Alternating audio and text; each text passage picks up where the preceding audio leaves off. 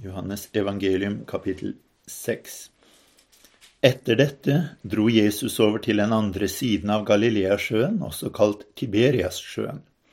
En stor folkemengde fulgte ham fordi de så de tegnene som han gjorde på de syke. Jesus gikk opp i fjellet, og der satt han seg sammen med disiplene sine. Og påsken, jødenes høytid, var nær. Da når Jesus løftet sine øyne og så at en stor folkemengde kom til ham, sa han til Philip, Hvor skal vi kjøpe brød så disse kan få noe å ete? Men dette sa han for å prøve ham, for han visste selv hva han ville gjøre. Philip svarte ham, Brød for 200 denarer er ikke nok til at hver av dem kan få et lite stykke. En av disiplene hans, Andreas, Simon Peters bror, sier til ham, her er en liten gutt som har fem byggbrød og to småfisker, men hva er det til så mange? Og Jesus sa, La folket sette seg ned. Det var mye gress på stedet, og mennene satte seg da ned. Tallet på dem var omkring 5000. Jesus tok brødene og takket, og han delte ut til dem som satt der. Likeså delte han ut av småfiskene så mye de ville ha. Da de var blitt mette, sier han til disiplene sine, sank sammen stykkene som er blitt til overs, slik at ingenting går til spille. De sanket da sammen, og de fylte tolv kurver med stykker av de fem byggbrødene som var blitt til overs etter dem som hadde spist. Da når folket så det tegnet han hadde gjort, sa de, dette er i sannhet profeten som skal komme til verden. Da når Jesus skjønte at de ville komme og ta ham med makt for å gjøre ham til konge, trakk han seg igjen tilbake og gikk opp i fjellet, han selv alene. Men da det ble kveld, gikk disiplene hans ned til sjøen. De steg om bord i en båt for å sette over sjøen til Kapernaum. Det var alt blitt mørkt, og Jesus var ikke kommet til dem. Og sjøen gikk høyt, for det blåste en sterk vind. Da de hadde rodd omkring 25 eller 30 stadier, fikk de se Jesus komme gående på sjøen. Han kom nær til båten, og de ble redde. Men han sa til dem, Det er meg, frykt ikke. De ville da ta ham opp i båten, og straks kom båten til landet de seilte til. Dagen etter så folket som sto på den andre siden av sjøen at det ikke var noen båt der. De hadde sett at det bare var den ene båten, at Jesus ikke var gått om bord i den sammen med disiplene, men at disiplene hadde lagt ut alene. Det kom nå andre båter fra Tiberias og la til nær det stedet der de hadde spist brødet etter Herrens takkebønn. Men da folket så at Jesus ikke var der, og heller ikke disiplene hans, gikk de i båtene og kom til Kapernaum for å lete etter Jesus. Og da de fant ham på den andre siden av sjøen, sa de til ham, Rabbi, når kom du hit? Jesus svarte dem og sa, Sannelig, sannelig, sier jeg dere, dere søker meg ikke fordi dere så tegn, men fordi dere spiste av brødene og ble mette. Arbeid ikke for den mat som forgår, men for den mat som varer ved til evig liv, den som menneskesønn skal gi dere. For på ham har Faderen Gud satt sitt seil. De sa da til ham, Hva skal vi gjøre for å gjøre Guds gjerninger? Jesus svarte og sa til dem, Dette er Guds gjerning, at dere skal tro på ham som har, han har sendt. De sa da til ham, Hva tegn gjør du da, så vi kan se det og tro på deg? Hvilken gjerning gjør du?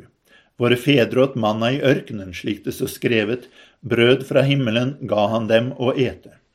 Jesus sa da til dem, sannelig, sannelig, sier dere, Moses ga dere ikke brødet fra himmelen, min, men min far gir dere det sanne brød fra himmelen. For Guds brød er det som kommer ned fra himmelen og gir verden liv. De sa da til ham, Herre, gi oss alltid dette brødet. Jesus sa til dem, Jeg er livets brød, den som kommer til meg skal ikke hungre, og den som tror på meg skal aldri noen gang tørste. Men jeg sa dere at dere har sett meg, og likevel tror dere ikke. Alle de som Faderen gir meg, kommer til meg, og den som kommer til meg, vil jeg slett ikke støte ut. For jeg er kommet ned fra himmelen, ikke for å gjøre min vilje, men for å gjøre Hans vilje, som har sendt meg. Og dette er Hans vilje som har sendt meg, at jeg ikke skal miste noe av alt det Han har gitt meg, men reise det opp på den siste dag. For dette er min fars vilje at hver den som ser Sønnen og tror på ham, skal ha evig liv, og jeg skal reise ham opp på den siste dag. Jødene knurret da over ham fordi han sa, Jeg er brødet som har kommet ned fra himmelen. Og de sa, Er ikke dette Jesus, Josefs sønn, kjenner vi ikke både hans far og hans mor? Hvordan kan han da si, Jeg er kommet ned fra himmelen? Jesus svarte og sa til dem, Knurr ikke dere imellom. Ingen kan komme til meg uten at Faderen som har sendt meg, drar ham, og jeg skal reise ham opp på den siste dag. Det står skrevet hos profetene, og de skal alle være lært av Gud. Hver den som hører av Faderen og lærer, kommer til meg. Ikke så at noen har sett Faderen, bare han som er fra Gud, han har sett Faderen. Sannelig, sannelig, sier jeg dere, den som tror, har evig liv. Jeg er livets brød, deres fedre åt manna i ørkenen og døde. Dette er brødet som kommer ned fra himmelen, for at en skal ete av det og ikke dø. Jeg er det levende brødet som er kommet ned fra himmelen. Om noen eter av dette brødet, skal han leve i evighet og det brødet som jeg vil gi, er mitt kjød, som jeg vil gi for verdens liv. Jødene trettet nå seg imellom og sa, Hvordan kan han gi oss sitt kjød å ete? Jesus sa da til dem, Sannelig, sannelig, sier jeg dere, dersom dere ikke eter menneskesønnens kjød og drikker hans blod, har dere ikke liv i dere. Den som eter mitt kjød og drikker mitt blod, har evig liv, og jeg skal reise ham opp på den siste dag. For mitt kjød er i sannhet mat, og mitt blod er i sannhet drikke. Den som eter mitt kjød og drikker mitt blod, han blir i meg og jeg i ham. Liksom den levende Faderen har sendt meg, og jeg lever ved Faderen, slik skal også den som eter meg, leve ved meg. Dette er brødet som er kommet ned fra himmelen, ikke slik som fedrene åt og døde. Den som eter dette brødet, skal leve i evighet. Dette sa han mens han lærte i en synagoge i Kapernaum. Mange av disiplene hans som hørte dette, sa da, Dette er harde ord, hvem kan høre dem? Men da Jesus visste med seg selv at disiplene hans knurret over dette, sa han til dem, Tar dere anstøt av dette? Hva så når dere får se menneskesønnen stige opp dit hvor han var før? Det er ånden som gjør levende, kjødet gagner ikke noe. De ordene jeg har talt til dere, er ånd og er liv. Men det er noen av dere som ikke tror. For Jesus visste fra begynnelsen hvem det var som ikke trodde, og hvem det var som skulle forråde ham. Og han sa, Derfor har jeg sagt dere at ingen kan komme til meg uten at det er gitt ham av Faderen. Etter dette trakk mange av disiplene hans seg tilbake og gikk ikke lenger omkring med ham. Jesus sa da til de tolv, Vil også dere gå bort? Simon Peter svarte ham, Herre, hvem skal vi gå til? Du har det evige livs ord, og vi tror og vet at du er Guds hellige. Jesus svarte dem, Har jeg ikke utvalgt dere tolv, og en av dere er en djevel? Han talte om Judas Simon Iskariots sønn, for det var han som skulle forråde ham, enda han var en av de tolv.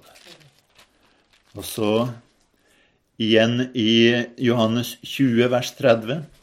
Også mange andre tegn gjorde Jesus for disiplenes øyne, tegn som det ikke er skrevet om i denne boken. Men disse er skrevet for at dere skal tro at Jesus er Messias, Guds sønn, og for at dere ved troen skal ha liv i hans navn. Amen.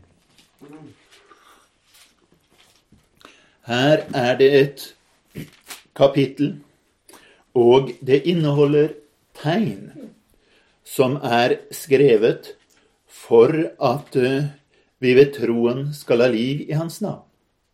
Det er derfor Johannes skriver det. Han skriver det ikke for at vi skal vite noe spesielt angående uh, hvordan Jesu liv var her på jorden. Han skriver først og fremst for at vi skal tro. Derfor så ser vi at de hendelsene som han beskriver, de, eh, de er beskrevet litt ufullstendig. Så den første Jesus metter de 5000. Så står det der i vers 3 Jesus gikk opp i fjellet, og der satte han seg sammen med disiplene sine. Og vers 5 da når Jesus løftet sine øyne og så at en stor folkemengde kom til ham. Og liksom bare Han eh, gikk opp med disiplene, og så så han at det var folk der. Ja, hvorfor var de der? Hva gjorde de der? Altså, ja, de, de fulgte ham fordi de så tegnene som han gjorde på de syke. Og igjen, vi har jo ikke sett så mange tegn på syke. Det, det er bare noe han, han forteller at det skjedde, men han beskriver det ikke. Men det står ingenting her om at de hadde vært der hele dagen og lyttet til Jesu forkynnelse, og, og at ting hadde skjedd. Det står ingenting om det. Det er bare at plutselig løfter Jesus øynene og ser dem. Og det viser oss at det Johannes er opptatt med, er ikke å fortelle at eh, det var en bestemt hendelse der på dette stedet, men det er for å fortelle oss det som for ham var viktig. Nemlig at her var det noen som spiste og ble mett, og mer enn mett. For de samlet sammen, og det var overflod. De samlet tolv kurver fulle med brød etterpå. Og eh, tilsvarende, det står i vers 13, de sanket da sammen, og de fylte tolv kurver med stykker av de fem byggbrødene som var blitt til overs etter dem som hadde spist. Ja, hva med fiskene? Hvor mye var blitt til overs av fiskene? Samlet de ikke sammen fiskestykker også? Han skriver ikke noe om det. For Jesus sier ikke at 'jeg er den levende fisk'. Han sier 'jeg er det levende brød'. Jeg er livets brød. Det er brød som gjelder i denne beretningen, og det er brød som eh, Johannes her taler om. Det er brød som han er opptatt med. Han er ikke opptatt med hva folket gjorde der. Han er opptatt med det ene at det ble brød. Så kan du si at eh, ja, det var jo ikke Jesus som brakte brødet, det var det gutten som brakte brødet. Det var ikke Jesus som oppdaget brødet, det var Andreas som oppdaget brødet. Men verken gutten eller Andreas er jo den sentrale. Det var ingen av dem som kunne mettet de 5000. Jesus kunne ha mettet 5000. Altså Djevelen sier si til disse steiner at de skal bli til brød. Og han kunne ganske sikkert ha gjort det. Hvorfor kunne han ikke ha gjort det? Men eh, eh, det, det, er ikke den som hadde brød, eller den som oppdaget brød. Det var Jesus som var viktig. Og det skjønte alle. Det var derfor de ønsket å gjøre ham til konge. Men eh, jeg ville bare at vi først skulle legge merke til at det, det er en litt forkortet beskrivelse han kommer med her. Han forteller ikke noe om alt som skjedde den dagen, bare at de fikk brød og at dette brødet var mer enn nok til at de ble mett. Den neste beretningen er om Jesus som går på vannet. Og det er jo også en veldig forkorta beretning. Det er ingen som forkynner om Jesus som gikk på vannet ifra denne beretningen. Da slår det opp i de andre evangeliene. Der er det mer dramatikk, og der ser du ting som skjer, og der får du høre om hva Peter gjorde, og alt sammen. Det står ikke noe om det her. Og det, Den avslutter jo til og med med at de ville da ta ham opp i båten, og straks kom båten til landet de seilte til. Altså, kom Jesus inn i båten, eller kom han ikke? Det står bare de ville, de ville ta ham inn i båten, og straks var båten over. Ferdig. Så på en måte den beretningen den står der nærmest bare fordi at ja, det skjedde, så han tar det med. Og det forklarer hvorfor, hvordan Jesus kom ifra eh, høydene der ved Tiberiassjøen og over til Kapernaum. For han hadde jo blitt igjen der, så, så må jo, han må jo nesten fortelle hvordan han kom seg til Kapernaum. Men det ser ikke ut til at han er opptatt med så veldig mye mer enn det. Så ser vi også at eh, når de begynner å lete etter Jesus, så står det i vers 25 Og da de fant ham på den andre siden av sjøen Så her er de dratt opp på andre siden av sjøen, og så finner de Jesus. Men så står det i vers 59 Dette sa han mens han lærte i en synagoge i Kapernaum.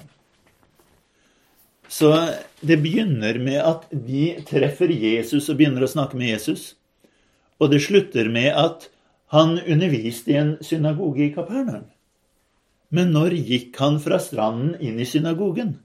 Når slutta samtalen og begynte gudstjenesten? Og Skjedde det her samme dag, eller var det en annen dag? Det, det står det ingenting om. Det, det, er ikke viktig akkurat hvor det skjedde, og når det skjedde. Han forteller ikke at sånn sett, og nå sluttet Jesus samtalen med dem, og de gikk alle inn i synagogen, hvor Jesus begynte å forkynne. Han sier ikke noe sånt. Det, det er ikke viktig for Johannes. Han tar kun med det som er viktig. Og når vi ser på det, så ser vi at det viktige her, det er at eh, de fikk mat, de fikk mer enn nok, og Jesus er livets brød. Det er det viktige. Og på samme måte som de hadde mer enn nok brød etter at de hadde spist brød, det var så mye at de hadde tolv kurver til overs, så hadde også Jesus som det levende brød, han er mer enn nok for alle oss som spiser. Han er mer enn nok. Når vi har spist alt det vi kan klare å spise av ham, så er det fortsatt, om du vil, tolv kurver fulle med brød. Og eh, du vet det står 'han som gir såmannen korn og den etende brød'. På en måte Han gir brød både til den som kommer med det, og til de som spiser det. Og her var det tolv kurver til overs. Og kanskje var det Altså, de fylte tolv kurver. Det var jo tolv mann som gikk, og de fylte tolv kurver. Med andre ord, alle de som delte ut brødet, de kom med fulle kurver tilbake. Og eh, det tror jeg kanskje jeg kan vitne at når jeg har forkynt om du har spist noe eller ikke, så har jeg en full kurv tilbake. Det er vel kanskje ingen som får så mye ut av forkynnelsen som den som selv forkynner. Men det er noe som også er nok til alle. Og eh, det er en beretning om Spurgeon. Han var jo en mann som ofte eh, Han var deprimert nærmest konstant. og var, Iblant så gikk det veldig inn på ham. Og det var en dag, en tid han var så langt nede at han eh, måtte ta seg fri fra forstanderjobben, og han dro ut på land bare for å slappe av. Men så kom det en søndag, og det er klart han gikk jo på møte på søndagen, så han Gikk inn i den eh, lokale lille forsamlingen der. Og der var det da en predikant som gikk fram for å forkynne. Og han forkynte jo, og når han var ferdig, gikk folk ut. Og der sto denne predikanten og så en ukjent mann som var der.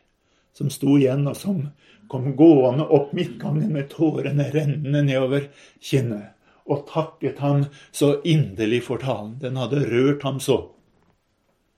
Og han var jo fornøyd med det, selvsagt. Og så sa han ja, ja, ja, men unnskyld, jeg kjenner deg ikke, hvem er du? Nei, sier han, jeg er Spurgeon. Og plutselig sto han der, for han hadde nemlig hatt veldig dårlig tid han den helga. Så han hadde ikke rukket å forberede seg. Men han hadde liggende en tale av Spurgeon. Så det var den han hadde stått og holdt. Og han eh, liksom begynte å stamme litt, men, men sånn det, det var jo din preken jeg holdt. Ja, svarte Spurgeon, det vet jeg.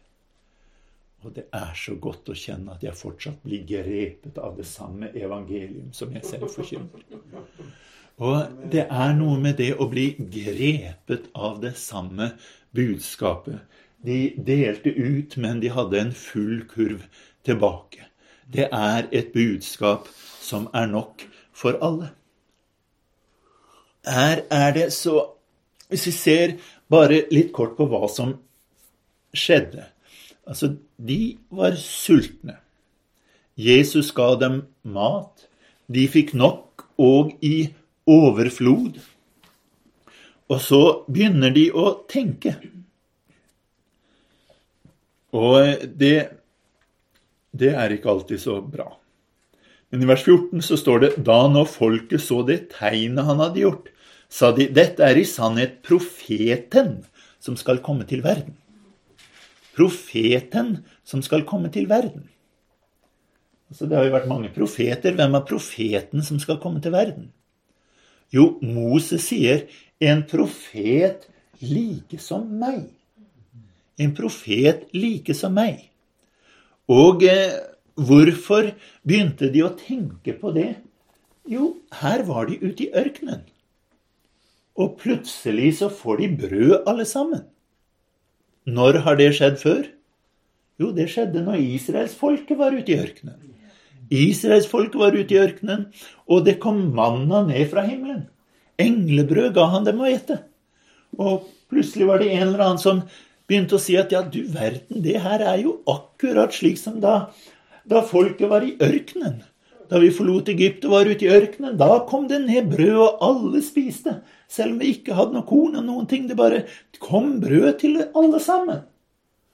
Og så sier den neste at ja, ja, det er jo akkurat som om han skulle være Moses som var den som ledet folk, og som kom brød. Og så kommer den tredje. Aha. Han gjør akkurat det samme som Moses. Like som Moses ga oss brød i ørkenen, så gir han oss brød i ørkenen. Og Moses har sagt at en profet like som meg. Sannelig, her har vi profeten som skal komme til verden. Og hva var det Moses gjorde?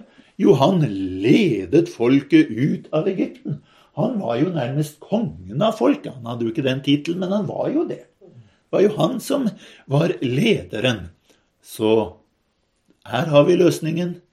De var undertrykt av Egypt, men lederen Moses førte de ut fra verdensmakten Egypt og ut i ørkenen der brødet falt ned fra himmelen. Her er det en som får brødet til å falle ned fra himmelen. Han var profet like som Moses, og nå skal han bli vår konge og lede oss ut av Romerriket. Det var jo logisk, det her. Så eh, de, de hadde sin egen forklaring. Og eh, da er det at Jesus skjønte de ville komme og ta med makt for å gjøre ham til konge, og han trakk seg igjen tilbake og gikk opp i fjellet, han selv alene. Her er det at han forsvinner.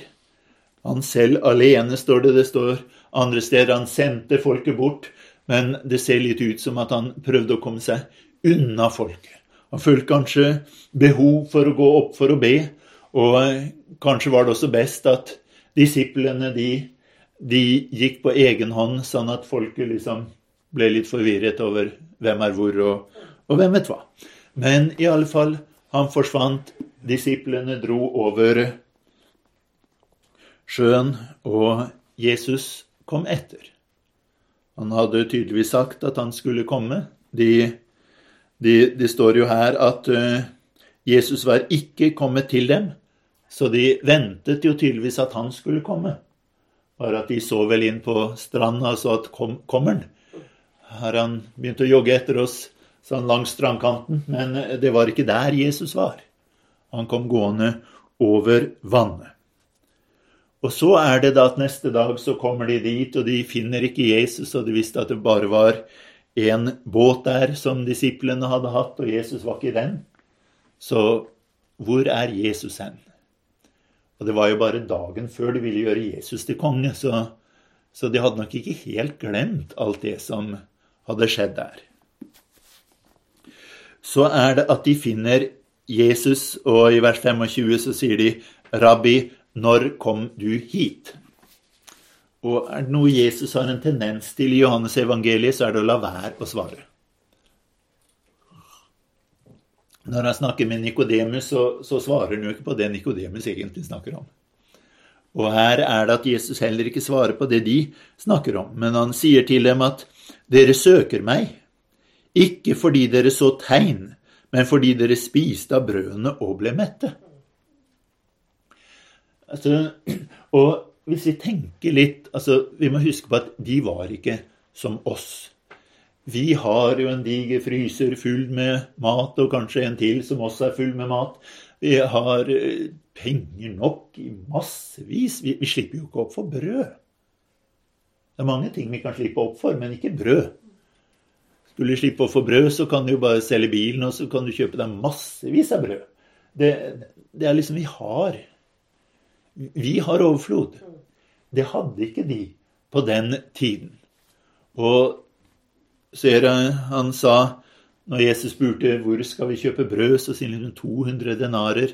En denar, det var jo en dagslønn. Eh, så 200 dagslønner, og det var vel om lag det du da trengte for å kjøpe mat for en dag. Det var ikke et folk som levde i overflod. Så vi tjener jo i løpet av en dag masse mer enn hva vi trenger til mat den dagen. Vi har jo råd til en hel masse annet. Det hadde egentlig ikke de. Så eh, de, de hadde nok ikke råd til så veldig mye mer enn mat den dagen. Og Jesus lærte jo disiplene å be, ikke sant Gi oss i dag vårt daglige brød. Det var nok noe de forsto, for de var vant til det at brød, det, det har jeg i dag. Nå jobber jeg i dag, og jeg får mat i dag. Klart de som var bønder og osv., de kunne spare opp litt korn, men det var nok massevis av folk her som ikke var bønder. Som jobbet på annet vis, og de måtte ha seg jobb, og så fikk de betalt en denar hvis de jobbet den dagen. Og hvis de ikke jobbet, så fikk de jo ingenting. Men hva hvis de sprang etter Jesus? Hva hvis de dro på møte og var borte hele dagen? Ja, da fikk de jo ikke noen lønn. Så de måtte på en måte være villige til å ofre en, en dag. De måtte være villige til å ta en dag uten mat. Hvis de skulle bruke en dag på å følge etter Jesus. Og det var de nok også. Men så serverte jo Jesus mat. Altså, Frelsesarmeen de skjønte jo det med en gang. ikke sant? Soup, soap and salvation, sa de på, i London. Det var suppe, såpe og frelse. Og skulle du ha folk til å høre, så måtte du gi dem mat. Så de serverte mat, og da kom folk inn, og så kunne de forkynne evangeliet. Og hvor mange som hørte evangeliet, og hvor mange som kom for suppa, det, det kan nok ha variert. Men eh, matservering på møter, det er alltid populært. Og her eh, begynte jeg kanskje å tenke som så at hm, det her er jo flott. Han helbreder folk. Han gir oss mat. Altså, hva mer trenger vi? Trenger jo ikke jobbe her engang. Bare å gå på møtene der, og så får vi både mat og, og helbredelse. Og det er det Jesus sier til ham. Dere søker meg ikke fordi dere så tegn, men fordi dere spiste av brødene og ble mette. Og igjen er det, det var ikke bare at de fikk en bit, de ble mette. De spiste så mye de ville ha, står det i vers 11 der. Likeså delte han ut av småfiskene så mye de ville ha. Det var en sånn uh, all you can eat-buffé. Det var sånn spis i vei så mye du vil. Det er uh, Det er jo flott, det her. Og det, sier Jesus, det er derfor dere kommer til meg. Og da begynner vi å se hva som han snakker om i vers 27. Hvor han sier arbeid, ikke for den mat som forgår, men for den mat som varer ved til evig liv. Og Her sier han på en måte to ting samtidig. At dere får vær så god arbeide for føden. Dere kan ikke bare komme hit og forvente gratis mat. Du må arbeide, men arbeid ikke for den mat som forgår, men for den som varer ved til evig liv. Så sier han den som menneskesønn skal gi dere, for på ham har Faderen Gud satt sitt seil. Og da begynner jo de å tenke at ok, vi skal arbeide for Ja, ja, det er greit. Men kanskje det her er en bedre måte å arbeide på. En bedre arbeidsgiver. Og det er det de sier. ikke sant? Hva skal vi gjøre for å gjøre Guds gjerning? For å arbeide for Gud i stedet. Det er det samme ordet kan du si, som brukes for arbeid i vers 27. Arbeid eh, for den mat som varer. Og gjøre Guds gjerninger. Det, det er det samme. De snakker om det samme hele tiden. Altså, arbeid, gjør dine gjerninger og gjøre Guds gjerninger. Eller om du vil, arbeid for den mat som varer ved. Da sa de til ham, hva skal vi gjøre for å arbeide på Guds arbeid? Guds arbeidsplass. Så her er det, om de ikke får gratis mat, så kanskje de kan arbeide på en litt annen måte. Og få mat dette ned fra himmelen. Det er fortsatt det de er opptatt med. De vil ha denne gratis maten de kan spise og bli mett. Vi tenker ikke så mye på det, men det er fordi vi har overflod.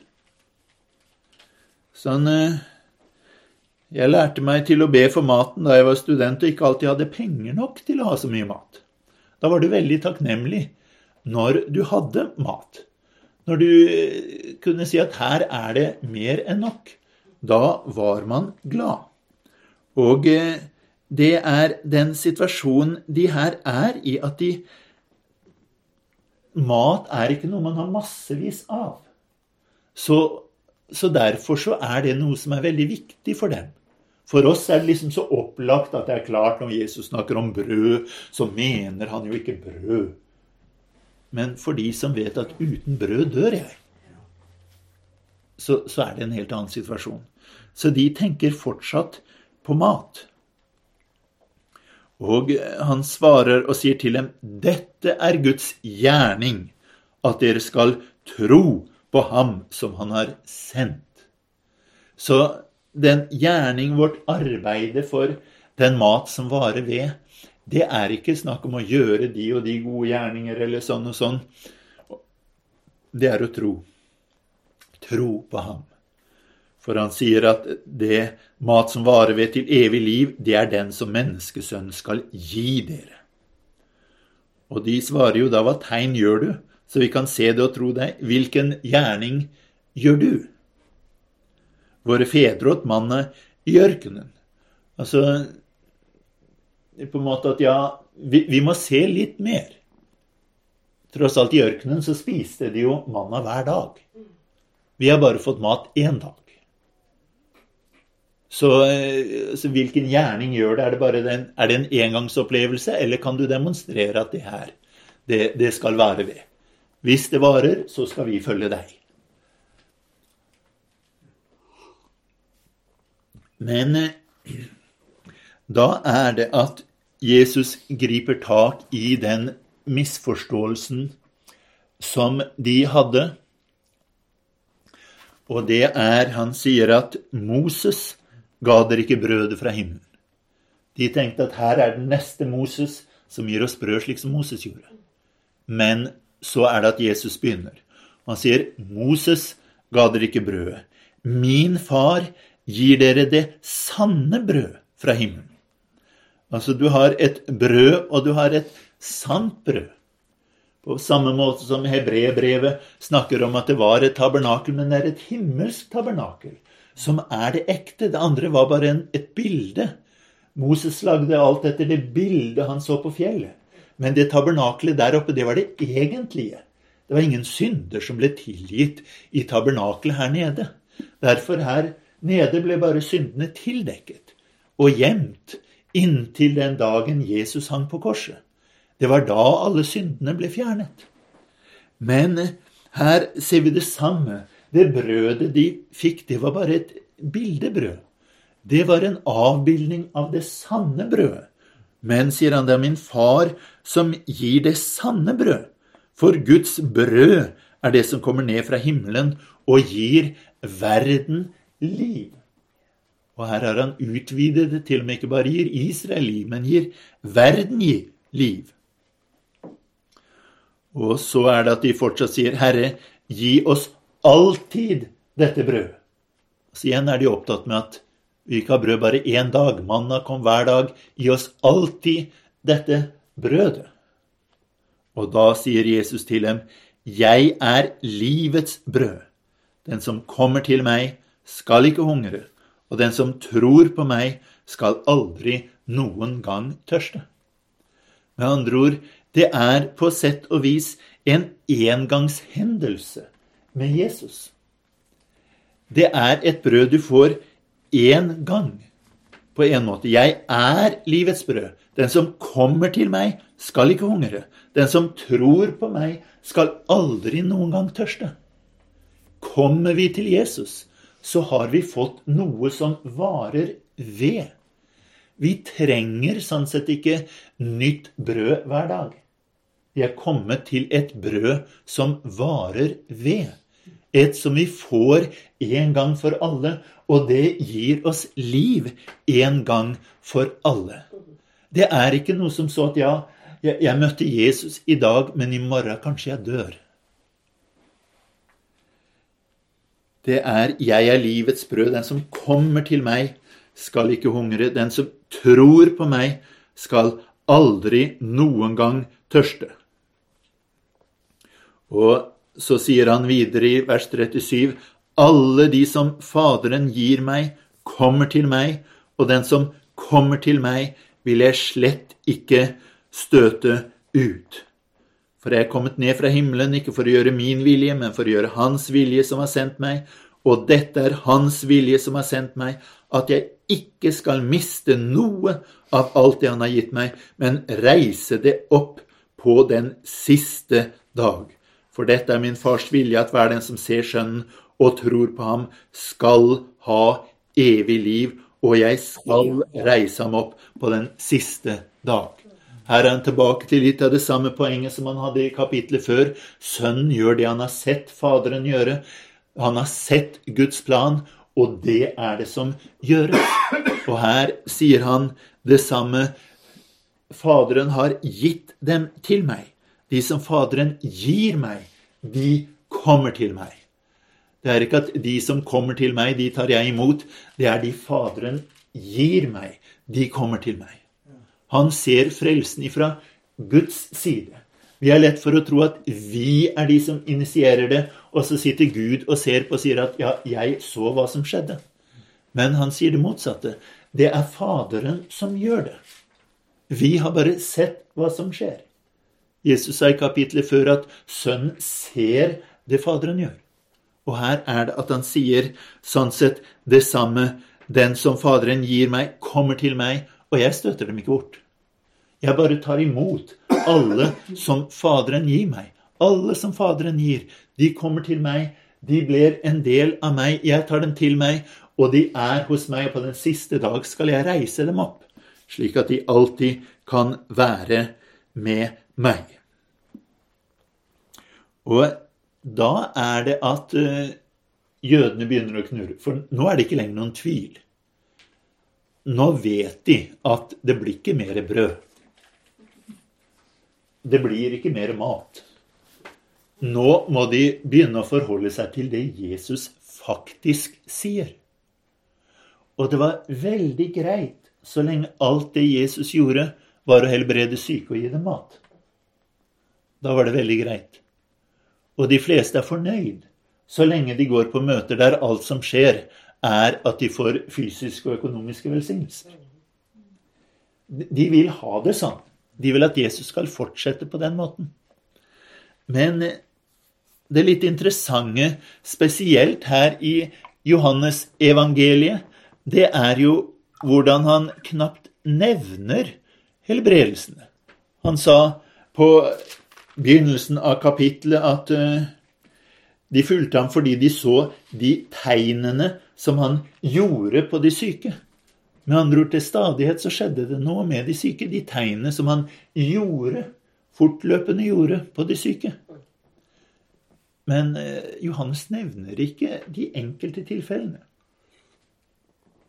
Og uansett, når du ser Jesus forkynne Han forkynner jo aldri helbredelse.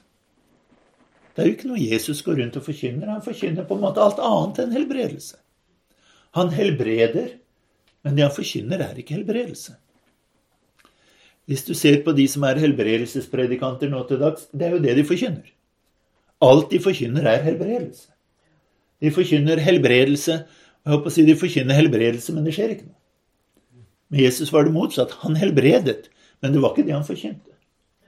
Det står i apostelgjerningen at store ting skjedde ved apostlenes hender. Men les gjennom brevene til Paulus. Skriver han noe om helbredelse? Det, det er jo nærmest fraværende. Det er bare så vidt nevnt ørlite grann. Men han driver ikke og, og forklarer og underviser om helbredelse. Han nevner det ikke. Stort sett i det hele tatt. Men det skjedde ting. Og det var det som kjennetegnet det Jesus gjorde. Det var ting som skjedde, men det var ikke det han var opptatt med. Han sier det er tegn for at dere skal ta imot forkynnelsen. Og forkynnelsen var den viktige. Og den er det de er kommet til nå. Derfor knurrer de i vers 41. og sier at de knurret over ham fordi han sa, Jeg er brødet som er kommet ned fra himmelen. Jesus sier jo aldri det, men de skjønner at det er det han mener, for i vers 33 så sier han, For Guds brød er det som kommer ned fra himmelen og gir verden liv. Og nå har de skjønt at det er det han snakker om, at han sier at han er dette brød. Og da er det at de begynner å si ja, men er ikke dette Jesus, Josefs sønn, kjenner vi ikke hans far og hans mor? Altså, Vi kjenner jo til ham. Hvordan kan han si jeg er kommet ned fra himmelen? Og Jesus sier bare til dem at knurr ikke dere imellom. Og så kommer han, ingen kan komme til meg uten at Faderen som har sendt meg, drar ham, og jeg skal reise ham opp på den siste dag. Her igjen så er han tilbake til det han tar imot alle de Faderen drar, de som er en del av den evige Guds plan. Det er de som kommer med. Det er de han tar seg av. Så på en måte så sier han knurr eller la det være, det, det er ikke det store. Det som er viktig, er er man dratt av Faderen.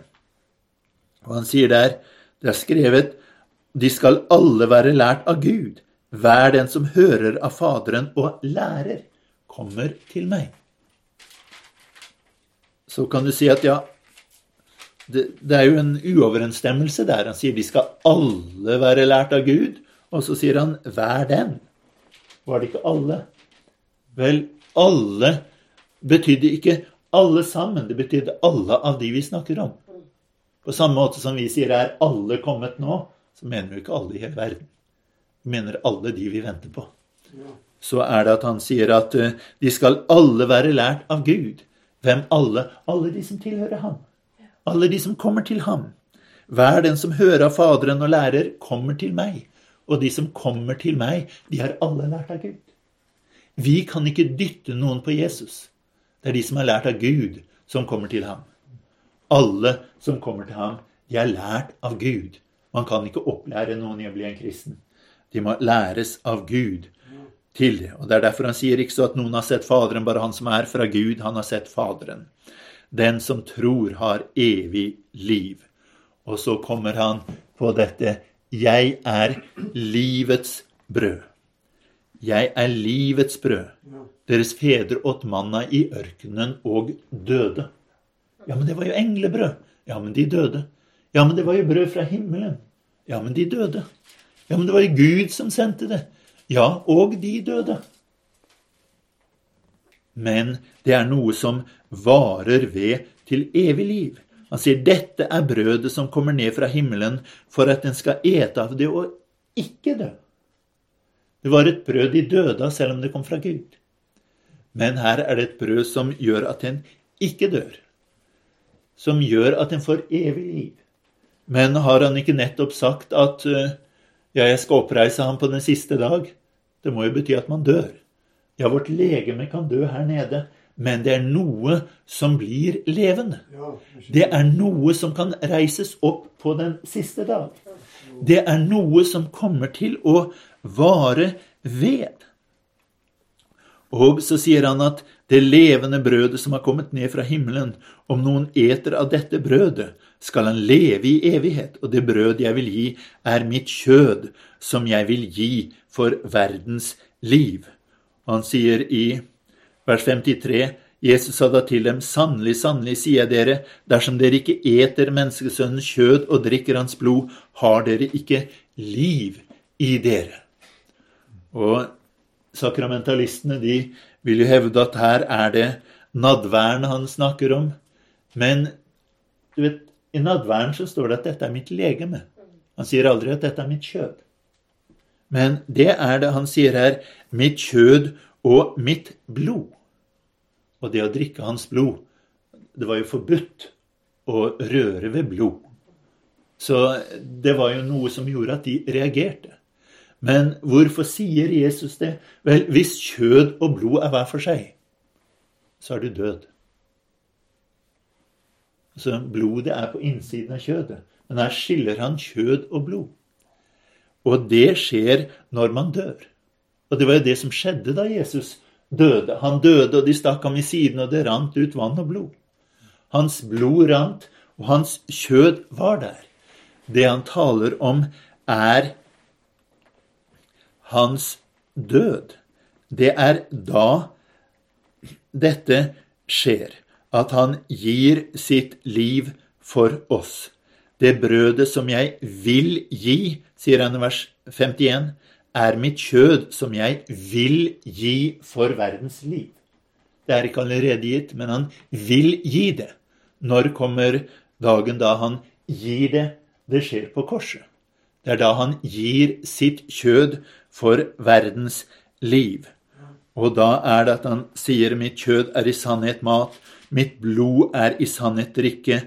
Den som eter mitt kjød og drikker mitt blod, han blir i meg, og jeg i ham. Dette er et av Johannes sine favorittord. Dette blir.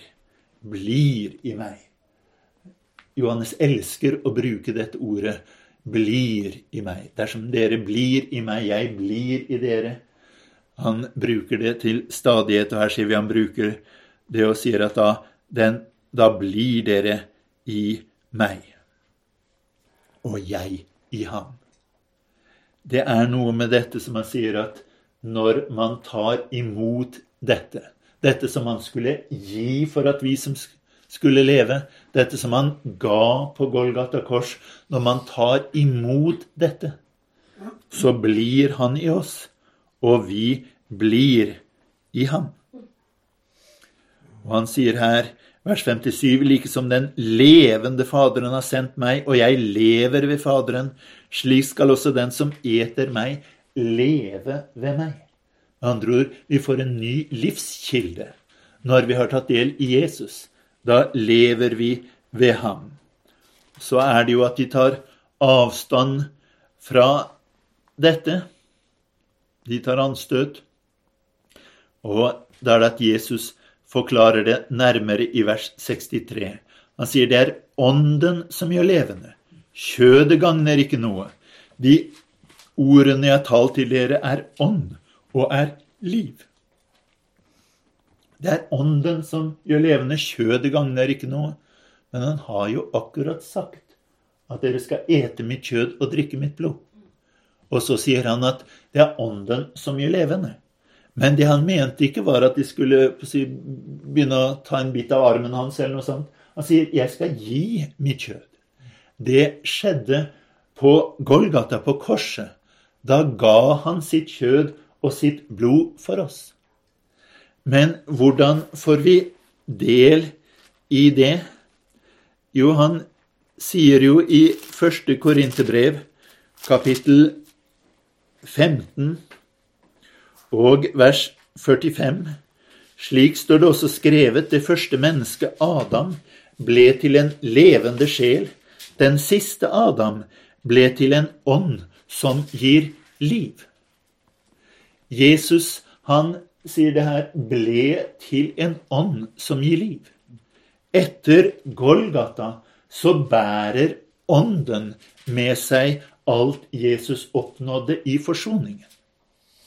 Det Jesus oppnådde på Golgata da han ga sitt kjød og sitt blod for oss, det er ikke noe fysisk blod som finnes noe sted. Det er ikke noe fysisk kjød sånn sett som vi skal spise, men det er noe vi får del i i ånden.